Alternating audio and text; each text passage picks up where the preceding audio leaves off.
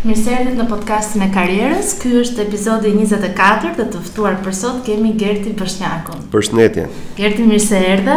Mirë se ju gjeta. Gerti është tridhjetë e tetë vjeç dhe është themelues i New Media Communication, një kompani që ofron shërbime në fushën e dizajnit, programimit, marketingut.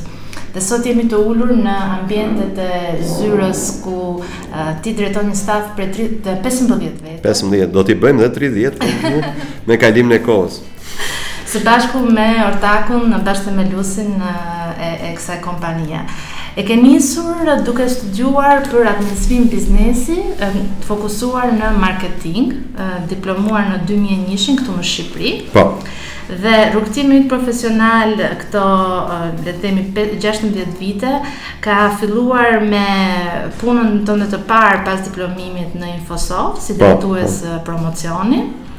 Pastaj ke punuar disa kohë në radio gjithashtu për marketing tek Neptuni, gjithmonë në fushën e shitjeve dhe DDB, që është një kompani po reklamë. Agjenci reklamash, është agjenci ndërkombëtare me filialin e saj në Shqipëri. Aty ka qenë eksperiencë shumë e mirë.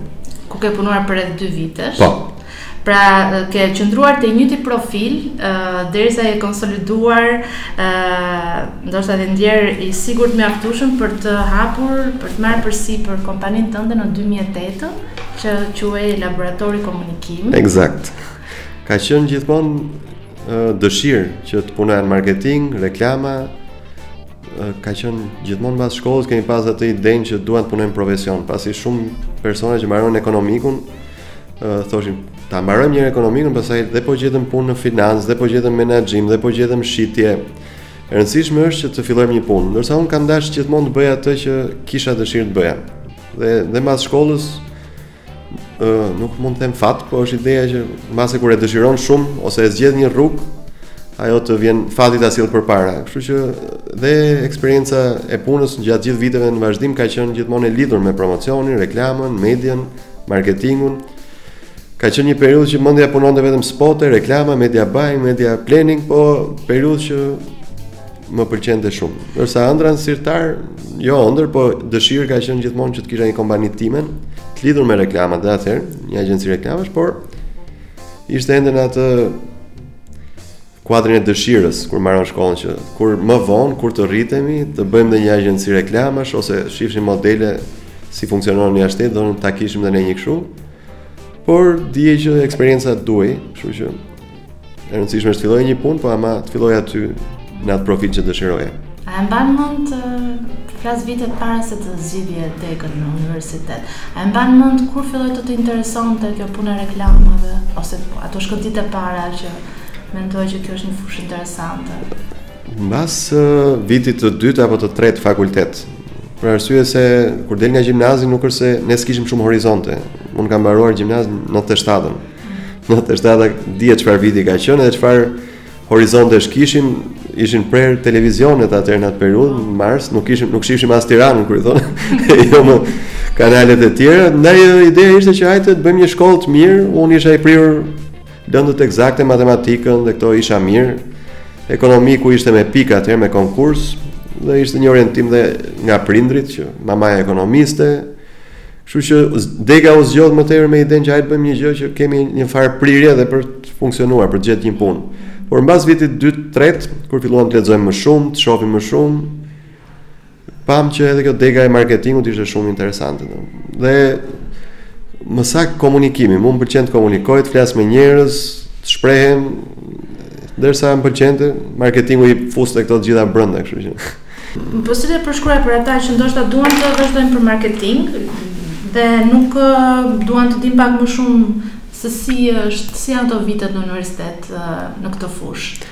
Besoj se ka ndryshim nga vitet e tanishme e vitet e atëhershme. Atëherë edhe literatura ishte paksa e vjetër. Ne studionim duke u bazuar te shembujt e kompanive të mëdha në Amerikë që ne s'i kishim njohur vetë mirë. Po megjithatë në periudhën e tanishme mendoj që ka shumë dritare.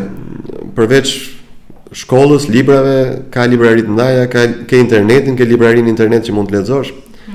ose ke website që mund t'i ndjekësh dhe mund të shohësh çfarë ndodh në kohë reale. Ne studionim librat e viteve 50, 60 mhm. të Amerikës, se në Shqipëri s'kishte s'kishte përvojë në fushën e marketingut të reklamave, si koncept nuk njihej.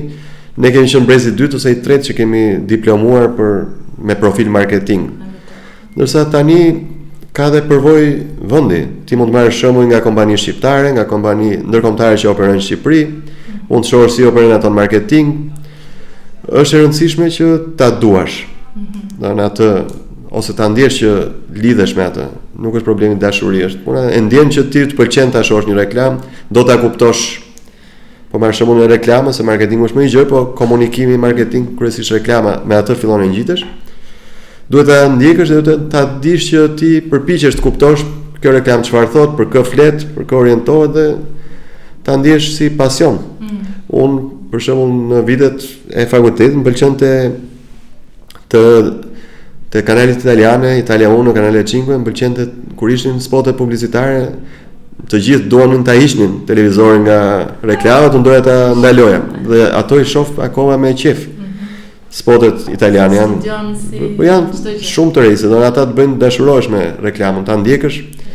Dhe aq më tepër kur e lidh me profesion ke shumë dëshirë të marrësh nga ajo. Dhe për mua reklamat italiane janë super.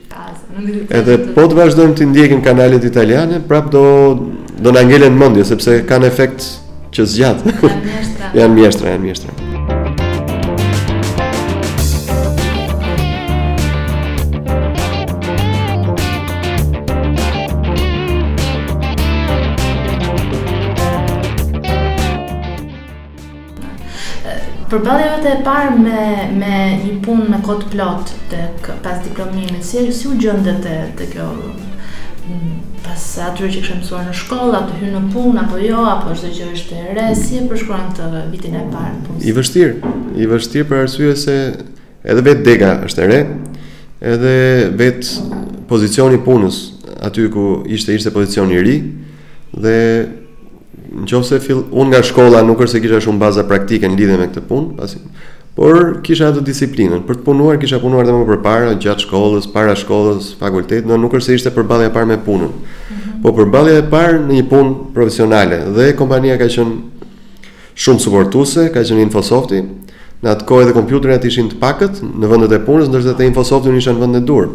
Unë kisha kompjuter personal, kisha printer, faks, ë kisha programe dizajni që dikur më përpara në atë kohë njerëzit vetëm Wordin njihnin, ndërsa ne kompania na ofronte infrastrukturë të mirëfilltë me programe si Coreli që ka qenë atëherë, filloi më pas Adobe dhe përballja ishte e mirë, por edhe nuk kishte një kishte një boshllëk midis asaj që duhet të kërkohej nga kompania dhe asaj që unë duhet të ofroja, pasi asnjëri nuk e dinte mirë se çfarë nënkuptonte uh, pozicioni punës, promocionit. Mhm. Unë nga shkolla e dija që promocioni ka reklamën, ka komunikimin, ka shitjet personale, domethënë ça kisha mësu në libra, ndërsa kompania kishte hap një pozicion sepse e dinte vlerën e promocionit, por prapë Ai është pozicion që nuk ishte për një person. Megjithatë mua më bëri mirë sepse në qoftë se tani një drejtues marketingu di që çfarë duhet të bëjë, por ama nuk mund t'i bëjë vetë të gjitha dhe të punojë në kompjuter për të bërë një reklamë dhe për të bërë një zë dhe për të konceptu një reklamë skenar, video, spot, të bësh dhe strategjinë, mu m'u desh që t'i prekja të gjitha. Tjetër gjë që ndihmoi është se duke mos dit mirë përgjegjësitë që ka një vend pune, sepse nuk është se na e dha njeri me job description, por unë isha i lirë që të sugjeroja vetë, propozoja vetë, hajt të bëjmë diçka të tillë dhe në atë kohë lirinë e kisha, kompania ta ofronte dhe ne bëmë lëvizje të mira në në iniciativën, në iniciativën time që si person, që sa kisha maru shkollën, ne arritëm të ndërtojmë fushata që kompania s'i kishte bërë më përpara, sepse kishte qenë, si çdo kompani, ishin më të inkuadruar ndaj shitjeve, ishin kompani që ofron një produkt që kërkohej dhe nuk e kishin ndier të nevojshme shumë pjesën e shtyrjes së shitjeve nëpërmjet marketingut. Ndërkohë kur erdha unë, arrita t'i bind që të bëjmë një fushatë, të krijojmë një linjë, për të punuar në me reklamat dhe ta bëjë si kulturë pune. Hmm. Shumë mirë ishte përballja, por e vështirë për arsye se vetë pozicioni i punës nuk ishte shumë i qartë, duke mos pas eksperiencë më parë dhe unë si student, po edhe kompania me marketingun. Hmm. Ishte koncept i ri, do. Ishte shumë shpejt. Tashi gjithë kompanitë e dinë cilat janë funksionet e marketingut, çfarë duhet të bëjnë, job description në atë kohë.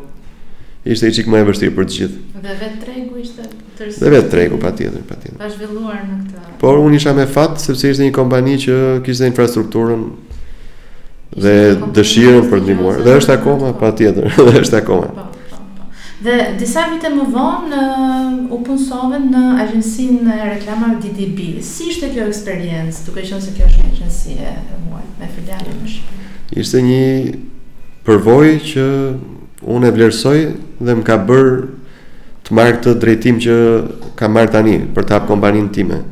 Përveç sepse përveç dëshirës që mund të kesh, të duhet një eksperiencë e prekshme e vërtetë se si është të funksionosh në një agjenci. Dhe aty në një agjenci njeriu i provon të gjitha ça kanë të bëjnë me reklamat, marketingun, menaxhimin, sepse është një ambient pune ku je gjithë kohës aktiv, je gjithë kohës në shërbim të klientit, je gjithë kohës duhet të krijosh, duhet prodhosh, është e gjallë. Asnjë nuk e di se si ka qenë puna, si funksionon marketingu apo reklama, po nuk pati punuar në agjenci. Pak nga fusha ime, po them. Aty ke marrëdhënie me klientët, ke marrëdhënie me mediat, ke edhe marrëdhënie me kreativën, ke marrëdhënie me shërbime të ndryshme, je menaxher, je Dizajner, je media planner, je duhet të bësh shumë funksione dhe pra, ka një person i prek të gjitha i prek të gjitha, sidomos kur ka dëshirë. Ne në atë periudhë ishim agjenci me emër shumë të madh, po stafi ishte i mbledhur sepse kështu funksiononte dhe ishte si një shtëpi. Mëson të punosh në grup, Mëson ça do të thotë që ça do të thotë që të bashkëpunosh, sepse kur je staf i madh është çik vështirë duhet shumë punë për të bashkëpunuar, ndërsa kur je i vogël, mësohesh të lidhesh me njëri-tjetrin dhe t'u përballesh situatave që vijnë.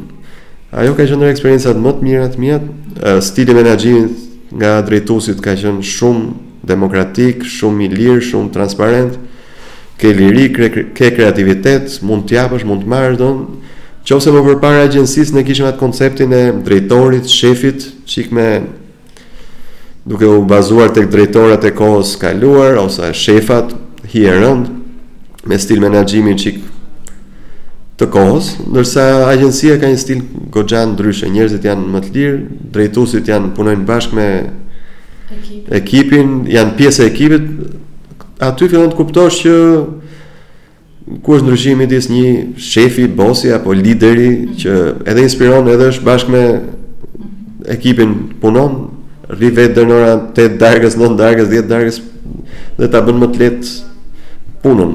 Do nuk është dikush që të vetëm të kontrollon, por është dikush që të asiston dhe të bën të mësohesh më mirë, të punosh më mirë, të ta bësh punën më mirë. Kjo më ka ndihmuar besoj më ka strukturuar dhe mua si stil që edhe unë kuptoja atë që do bëj më vonë ky lloj stili menaxhimi më pëlqen se mhm. realisht funksionon funksionon po edhe dhe gjen veten sepse Dikur më përpara thonim që ti s'je për drejtor, ti s'je për shef, se konsiderohej shefi drejtori që merrte çekishin dhe nuk bëre orarin në vend, do gjobitesh, do bërt, do bërtiste shefi. Dhe koha ka qenë e tillë dhe ndërkohë që nuk është e thënë të jetë ajo. Nëqoftëse ti ke një vizion, ke një synim, cakton objektivat e duhura, zgjedh njerëzit e duhur, i motivon, krijon një kulturë që është shumë vështirë ta krijosh. Edhe arrin që t'i bësh gjërat mirë.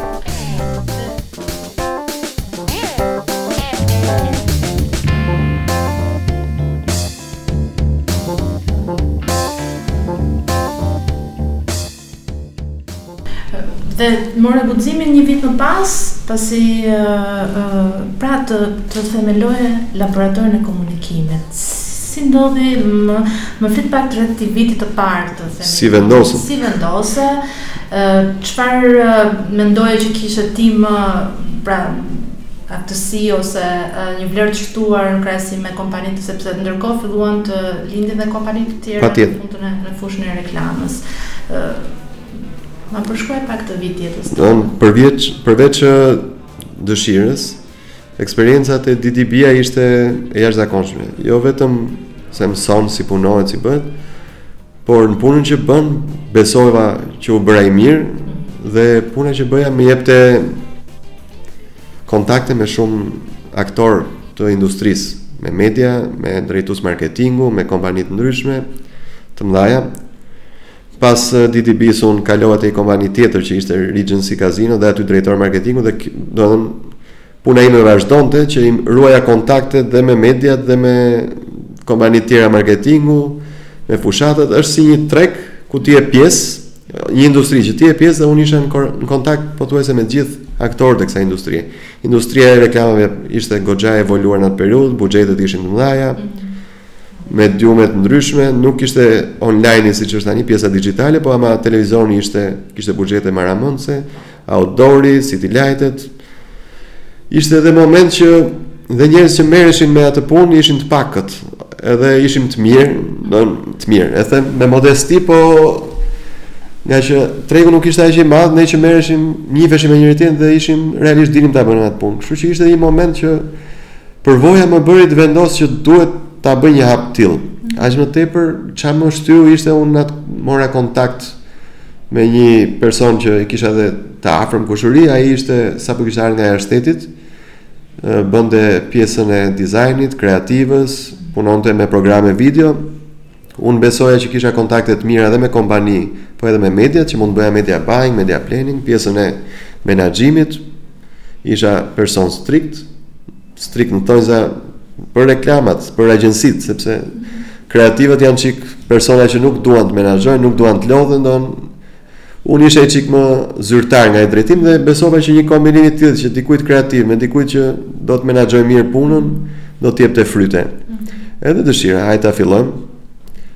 Një periudhë të caktuar e mbajta dhe punën që kisha rreth 5-6 muaj dhe kompaninë, por Cila nga këto degëzime ishe kishe më shumë punë? Pra ishte ishte përmende më përpara televizionin, city light-et, outdoori, radio, nuk e di. Po. Ku ku si e fillove? E kape nga një apo apo në të gjitha këto drejtime rëndësi ka përmbajtja kreative dhe pastaj Kjo ishte ideja, domethënë duke pasur kontakte me të gjitha ne kishim mundësi që të adaptonim strategji për të përdorur njërën apo tjetrën në mënyrën e duhur, do në se logika e marketingut që ne përdornim për veten ishte që ne jemi persona që mendojmë, t'i bëjmë gjërat mirë dhe nuk është se ty të nevojit, ne të nevojitemi për të të asistuar dhe për të drejtuar për ta bërë një fushatë mirë që ti mos lodhesh të shkosh te 50 media vetë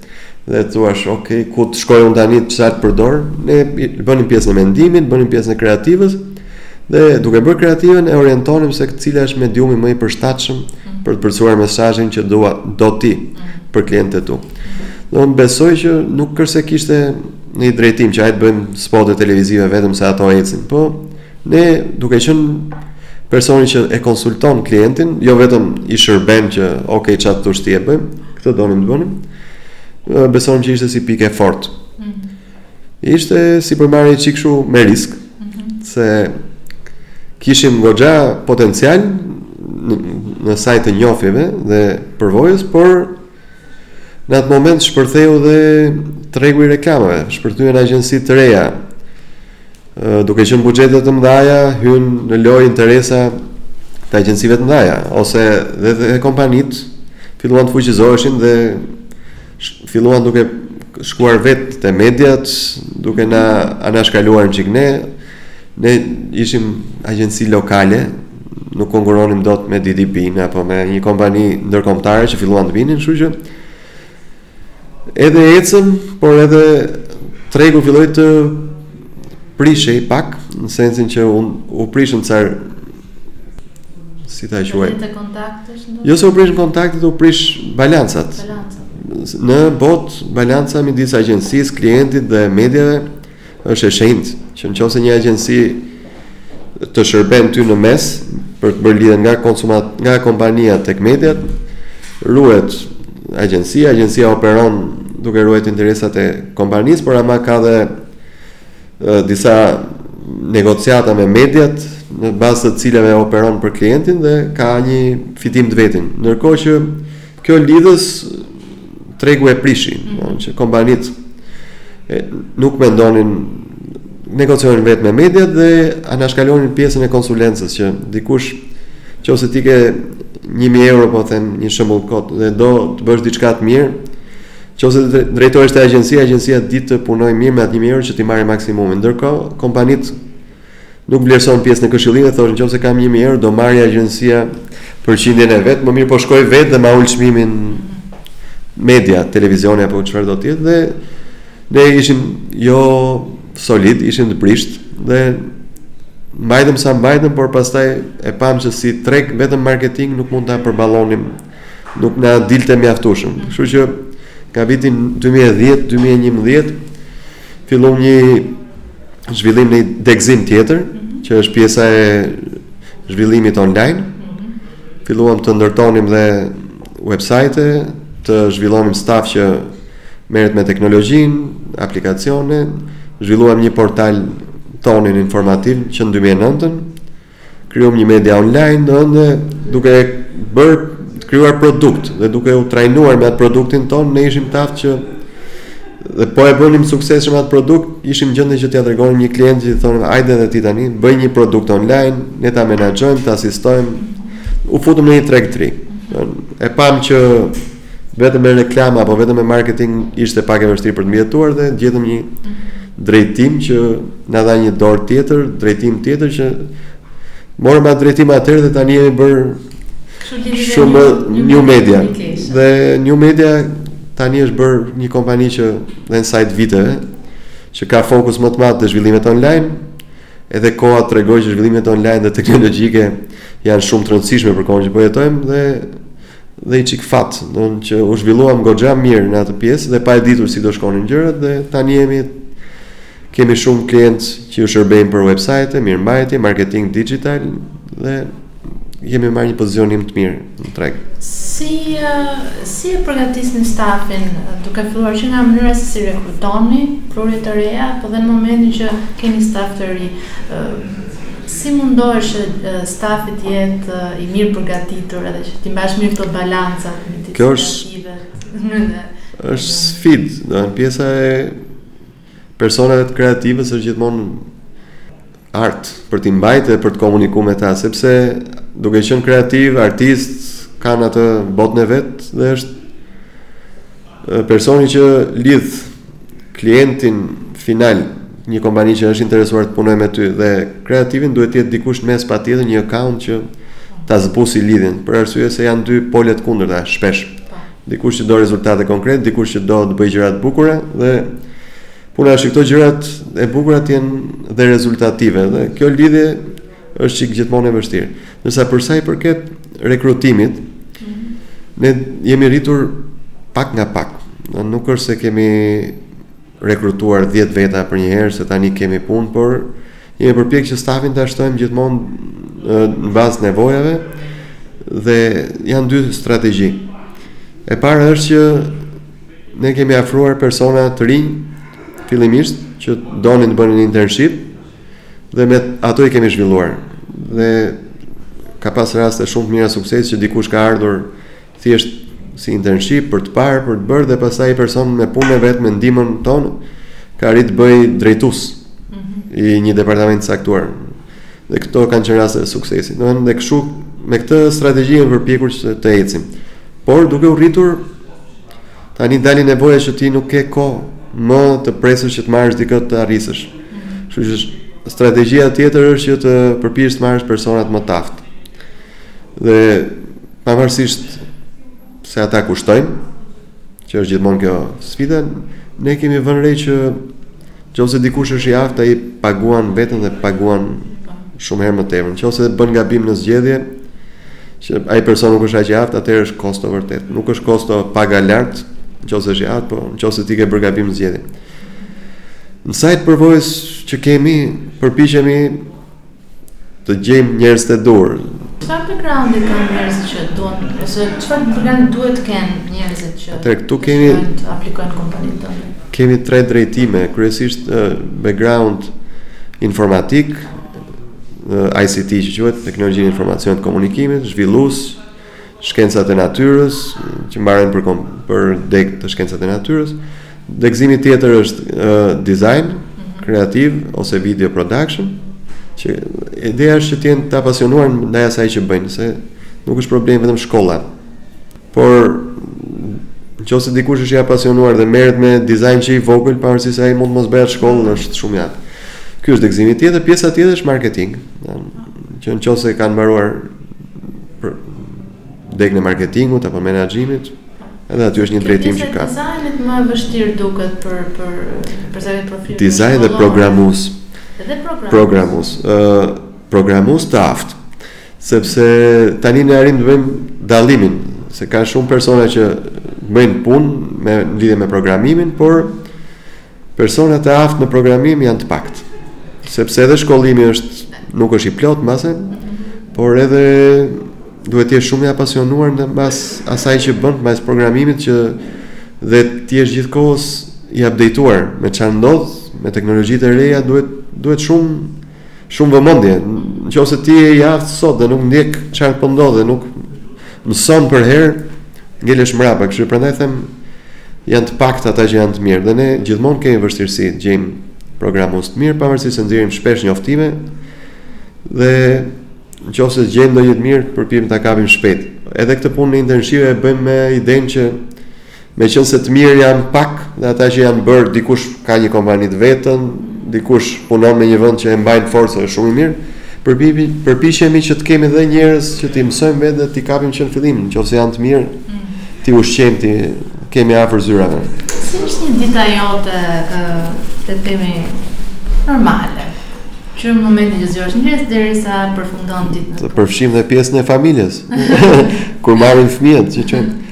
Atëherë, më përpara se të bëheshim familjarë, domethënë me fëmijë, dita ka qenë shumë niste më shpejt dhe fillonte po them që në 8 8 e gjys në punë dhe ishte zgjatja ishte gjithmonë Deri kur të kishim punë, 6, 7, 8, domethënë nuk e kishim problem këtë pjesë, domethënë ishim shumë të lidhur me punën.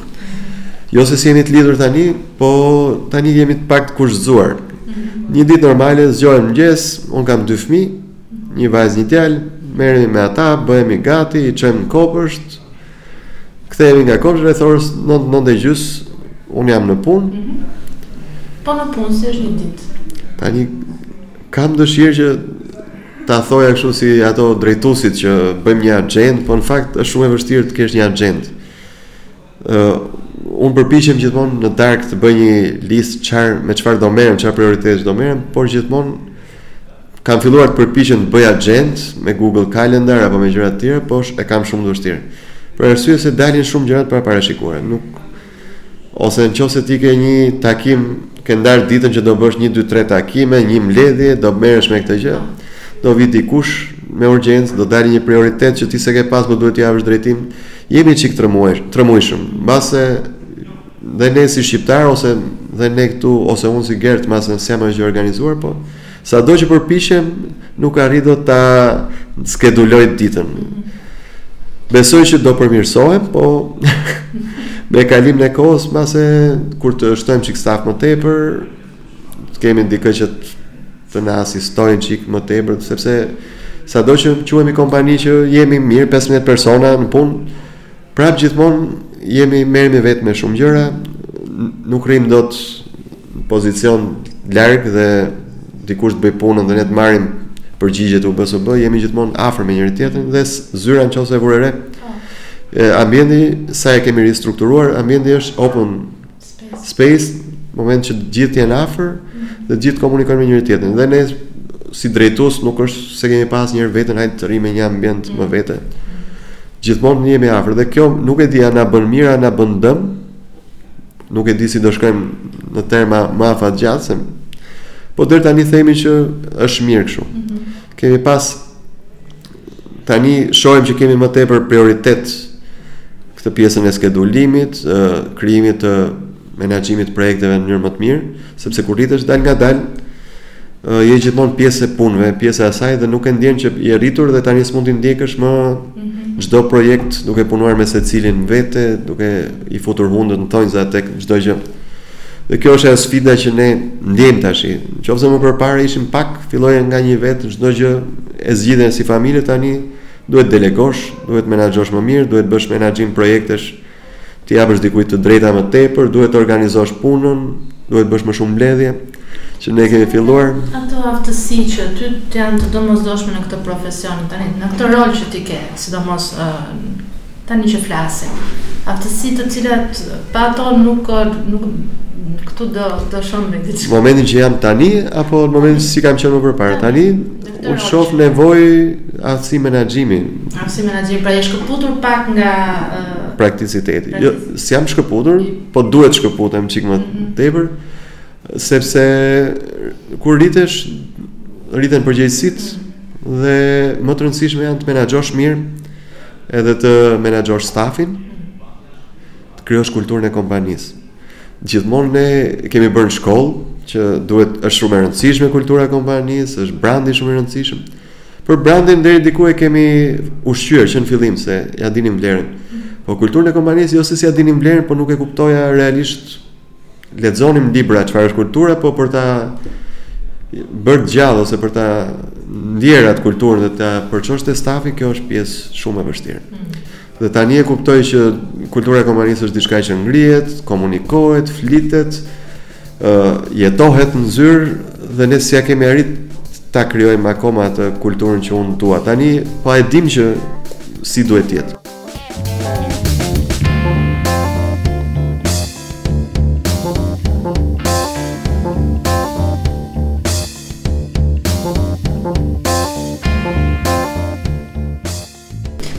Këtu jemi. Çfarë bëni me stafin tuaj që është ndryshe nga për për ta inkurajuar për të lidhur pak më shumë me njëri-tjetrin ose Ne kemi mangësi te kjo. Ne përpiqemi të bëjmë Nuk është se bëjmë ndonjë gjë shumë të veçantë, përpiqemi të bëjmë gjëra që t'i bëjmë të ndihen mirë, të jemi jo formal, do. Ideja mm. është jemi çik fleksibël te puna e orës, përpiqemi t'i themi që ajo që është e rëndësishme, unë dua t'i bëj të ndihen që në punë jemi të gjithë për të arritur rezultate. Në qoftë se ne rritemi si kompani, rritemi të gjithë bashkë. Kjo është ajo, dua t'i bëj të ndihen pjesë e asaj që bëjmë. Sepse ne punojmë për të rritur jo të ardhura personale, do ajo që bëjmë ne punojmë që të rritemi të gjithë. Në qoftë se rritemi si kompani, kapim një klient, ndihet më mirë, bëjmë punë më të mirë, çdo e ardhur shkon për të përmirësuar gjën për të rritur pagat dhe për për të ndikuar tek e ardhura personale e secilit, mm. sepse nuk është se është diçka që unë dua të bëhem i pasur duke shfrytëzuar, sepse kjo punë në agjenci nuk funksionon, nuk është se është punë krahu që këtu baza e punës është shërbimi dhe është njohuria. Në qoftë se njerëzit punojnë më shumë, mësojnë më shumë dhe këtë e vejnë në funksion të kompanisë edhe të vetes, se sa më shumë rritet kompania, aq më tepër rriten njerëzit, këtë dua t'i bëj të kuptojnë që Kjo është ajo që tentojmë të bëjmë që rritja është e përbashkët. Dhe në qoftë se zhvillohet emri i kompanisë, zhvillohet dhe personaliteti i atij që punon këtu, ka krenari të thotë që punoj te New Media, në qoftë se edhe më vonë, në qoftë se dikush do të lëvizi për një punë më të mirë, në qoftë se do të tregojë se çfarë pune ka bërë, ku ka punuar dhe projektet në të cilat ka marrë pjesë, do t'i ketë dyert e hapura do këtë përpiqemi t'i bëjmë se ne e dimë i kam thënë që nuk do jemi mbase me të gjithë hmm. gjithë kohës bashkë se ne atë duam të kemi njerëz që që tani të zhvillohemi dhe të jemi bashkë por ama me atë që japim të bëjmë më të mirën që të lejmë një emër vetes dhe kur mos jemi më bashkë po mund të përmendësh një punë për cilën ke qenë krenar Për ata që janë kurioz të dinë çfarë prodhon kjo New Media Communication. Ndonjë nga punët eh, me cilin portofol që ti ke qenë më i kënaqur në këto vitet e fundit. Vitet e fundit ne kemi bërë një punë mjaft të mirë me Federatën Shqiptare të Futbollit. Mm -hmm. Dhe viti i kaluar ishte vit mjaft interesant se neve morëm pjesë për herë të parë në kampionatin evropian. Dhe në atë vit ne na është dashur të punojmë fort me federatën duke ndërtuar një faqe interneti për fan klubin kuqezi dhe një faqe interneti për Euro 2016 që ishin punë që u bënë shpejt, po u bënë me aq dëshirë e pasion sa dolën dhe shumë bukur. dhe erdhi në momentin e duhur dhe federata do ishte një projekt i gjithi që nisi 2-3 vite më parë. Që federata filloi të bënte një faqe të mirë, filloi t'i kushtonte vëmendje fansave, filloi të bënte një shop, do ne e mbështetëm gjithë, filloi të bënte një brand të ri, pra Dhe kjo u kurorëzua dhe me ekipin që finalizoi. Kjo ishte një punë që ne na ka bërë krenar dhe na bën të ndihemi mhm. shumë mirë. Një projekt tjetër është Business Magazine, që është revista digjitale që ne kemi si produkt. Diçka që ka lind nga dëshira dhe pasioni për të bërë një gjë që ne na pëlqen dhe meqenëse ne, ka shumë si ne që punojnë dhe duan të informohen, duan të hapin dritare të reja ose duan të motivohen. ë Besoj se kemi bërë një bingo për këta njerëz.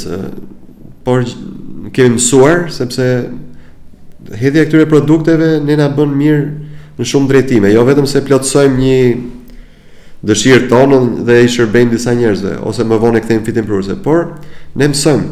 Qoftë se bëjmë një produkt të tillë, ne ndjekim një rrugë që Qoftë se do e kishim bërë me një klient, do kishim rrezikuar. Po. Dhe nuk nuk e dinim të bënim prova, ndërsa tani filluam diçka. Mësuam, pyetëm, testuam, hodhëm diçka më të mirë.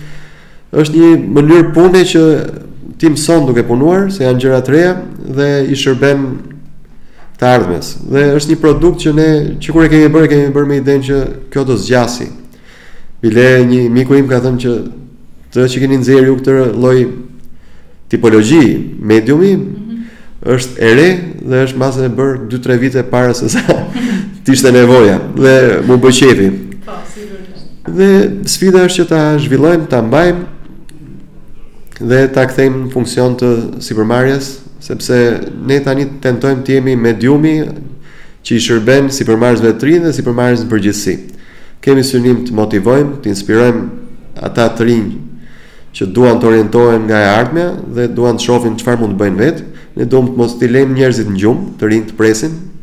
Duam të inspirojmë që vepro, lëviz, mm -hmm përqasja si e të qenit sipërmarrës është ndryshe, nuk është e thënë që të jesh biznesmen apo të mendosh si biznesmen, është e thënë që të jesh dikush që do të përmirësosh diçka. Mm.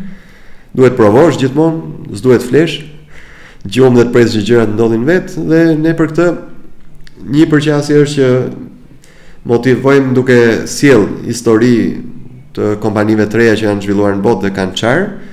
Por përqasja tjetër është ne punojmë shumë me sipërmarrjet e reja që kanë lindur në Shqipëri. Ne përpiqemi të dimë ku janë sipërmarrësit e rinj, çfarë po bëjnë, Çfarë zgjidhje ofrojnë dhe i ndjekim se për t'i asistuar se çfarë mund të bëjnë në të ardhmen. Dhe në qoftë se po kërkojmë mm -hmm. sipërmarrje të reja shqiptare që të quhen të suksesshme, në mënyrë që këto sipërmarrje të reja të inspirojnë njerëzit e ri ose të rinjtë e sotëm që nuk po shofin mbase nuk po kanë frymëzimin e duhur nga diçka ose kanë modele të gabuara për t'u zhvilluar. Se në qoftë se ke model i ri dhe ke model një politikan, Nuk më duket shumë premtuese. Po ama një i ri që ka model një sipërmarrës që është 27, 28, 30 vjeç dhe po ia del mirë me punë, me djersë, me këmbëngulje dhe ka bërë diçka që ndihmon jetën e të tjerëve dhe del me fitim, atëherë ai është model i mirë. Mm. Ka shumë mundësira, domethënë njerëzit atë duhet të shofin. Po si e shikon fushën ku ka gjasa që sipërmarrja për të rinjtë të ketë më shumë sukses, apo nuk ka fushën, siç ka shërbimi ose produkti që do të përmirësosh? Ë, është çështje mentaliteti kryesisht, që ti duhet ose dikush që do të ndryshojë diçka duhet të jetë gjithmonë nën vëzhgim ose të menduarit kritik që thonë. Mhm. Edhe jo të menduarit kritik vetëm për të folur për diçka, po të mendosh në mënyrë kritike për diçka dhe të përpiqesh t'i gjesh një zgjidhje. Ë, uh, por fusha e zhvillimit është ICT-ja. Mhm. Domethënë sepse aty është inovacioni, aty janë zhvillimet, ekonomia po shkon gjithmonë në fushën dixhitale, Domethënë ne jemi ndjekës. Shqipëria, Ballkani, Europa Juglindore dhe ne duhet ne shumë kollaj të shofim çfarë po zhvillohet në perëndim apo në Shtetet e Bashkuara të Amerikës dhe të ndjekësh trendet. Dhe trendet ato janë ekonomia dixhitale, internetit, e-commerce, zhvillimet softuerike, këto janë profesionet më të kërkuara dhe këto janë personat që ofrojnë zgjidhje për problemet madhore të kohës.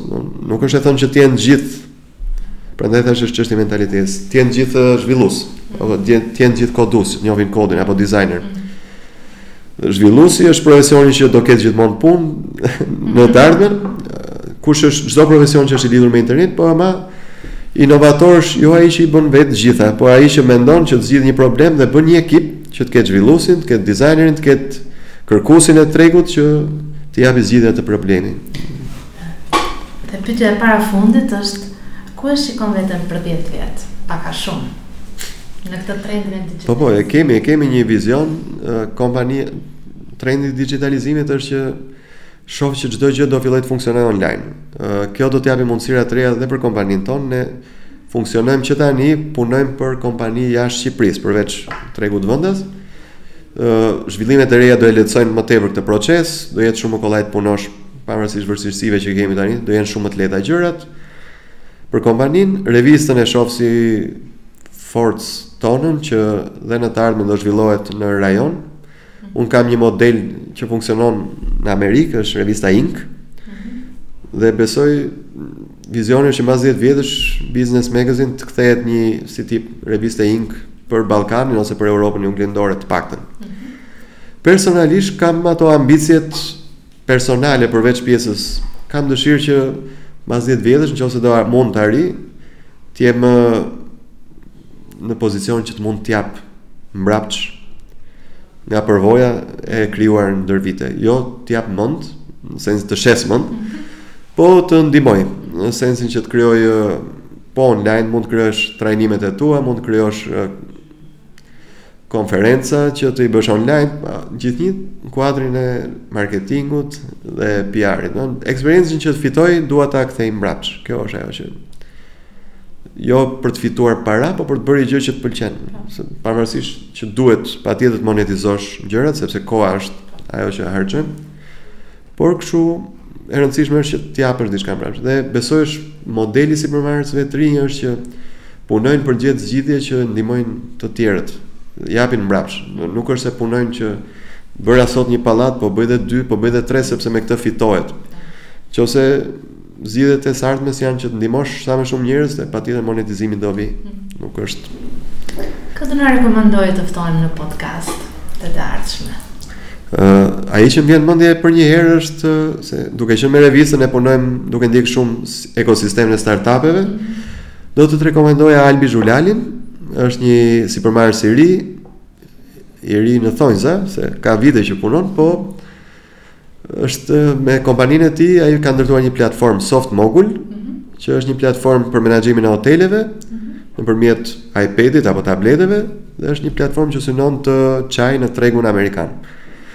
Fantastik. Ka ecur shumë mirë, ka ndërtuar kanë disa kohë që kanë ndërtuar një ekip shumë të mirë që po programojnë dhe kanë hedhur disa beta version, ka krijuar kontakte mjaft të mira me tregun amerikan, ka fituar një akselerator që quhet Plug and Play, më duket ka marrë dhe investim nga ai akselerator dhe besoj në fund vitit do shkojnë të punojnë atje për një periudhë të caktuar dhe kur punon në San Francisco apo ku do punojnë ata, do kenë mundësi të jenë më afër inovacionit, më afër njofjeve, Besoj do çajnë mjaft mirë. Do është shumë premtues, ne urojmë që të kthehet me një produkt mil, miliona dollarësh, por por është në fazat shumë premtuese. Plus kam dhe të tjerë, po këtë do sugjeroja të parin. Si fillim ishte një rekomandim shumë i mirë. Gerti, unë të falenderoj shumë për uh, këtë intervistë dhe për gjithë çfarë na the për uh, rrugëtimin tënd profesional. Faleminderit edhe ty. Gjithë sukseset.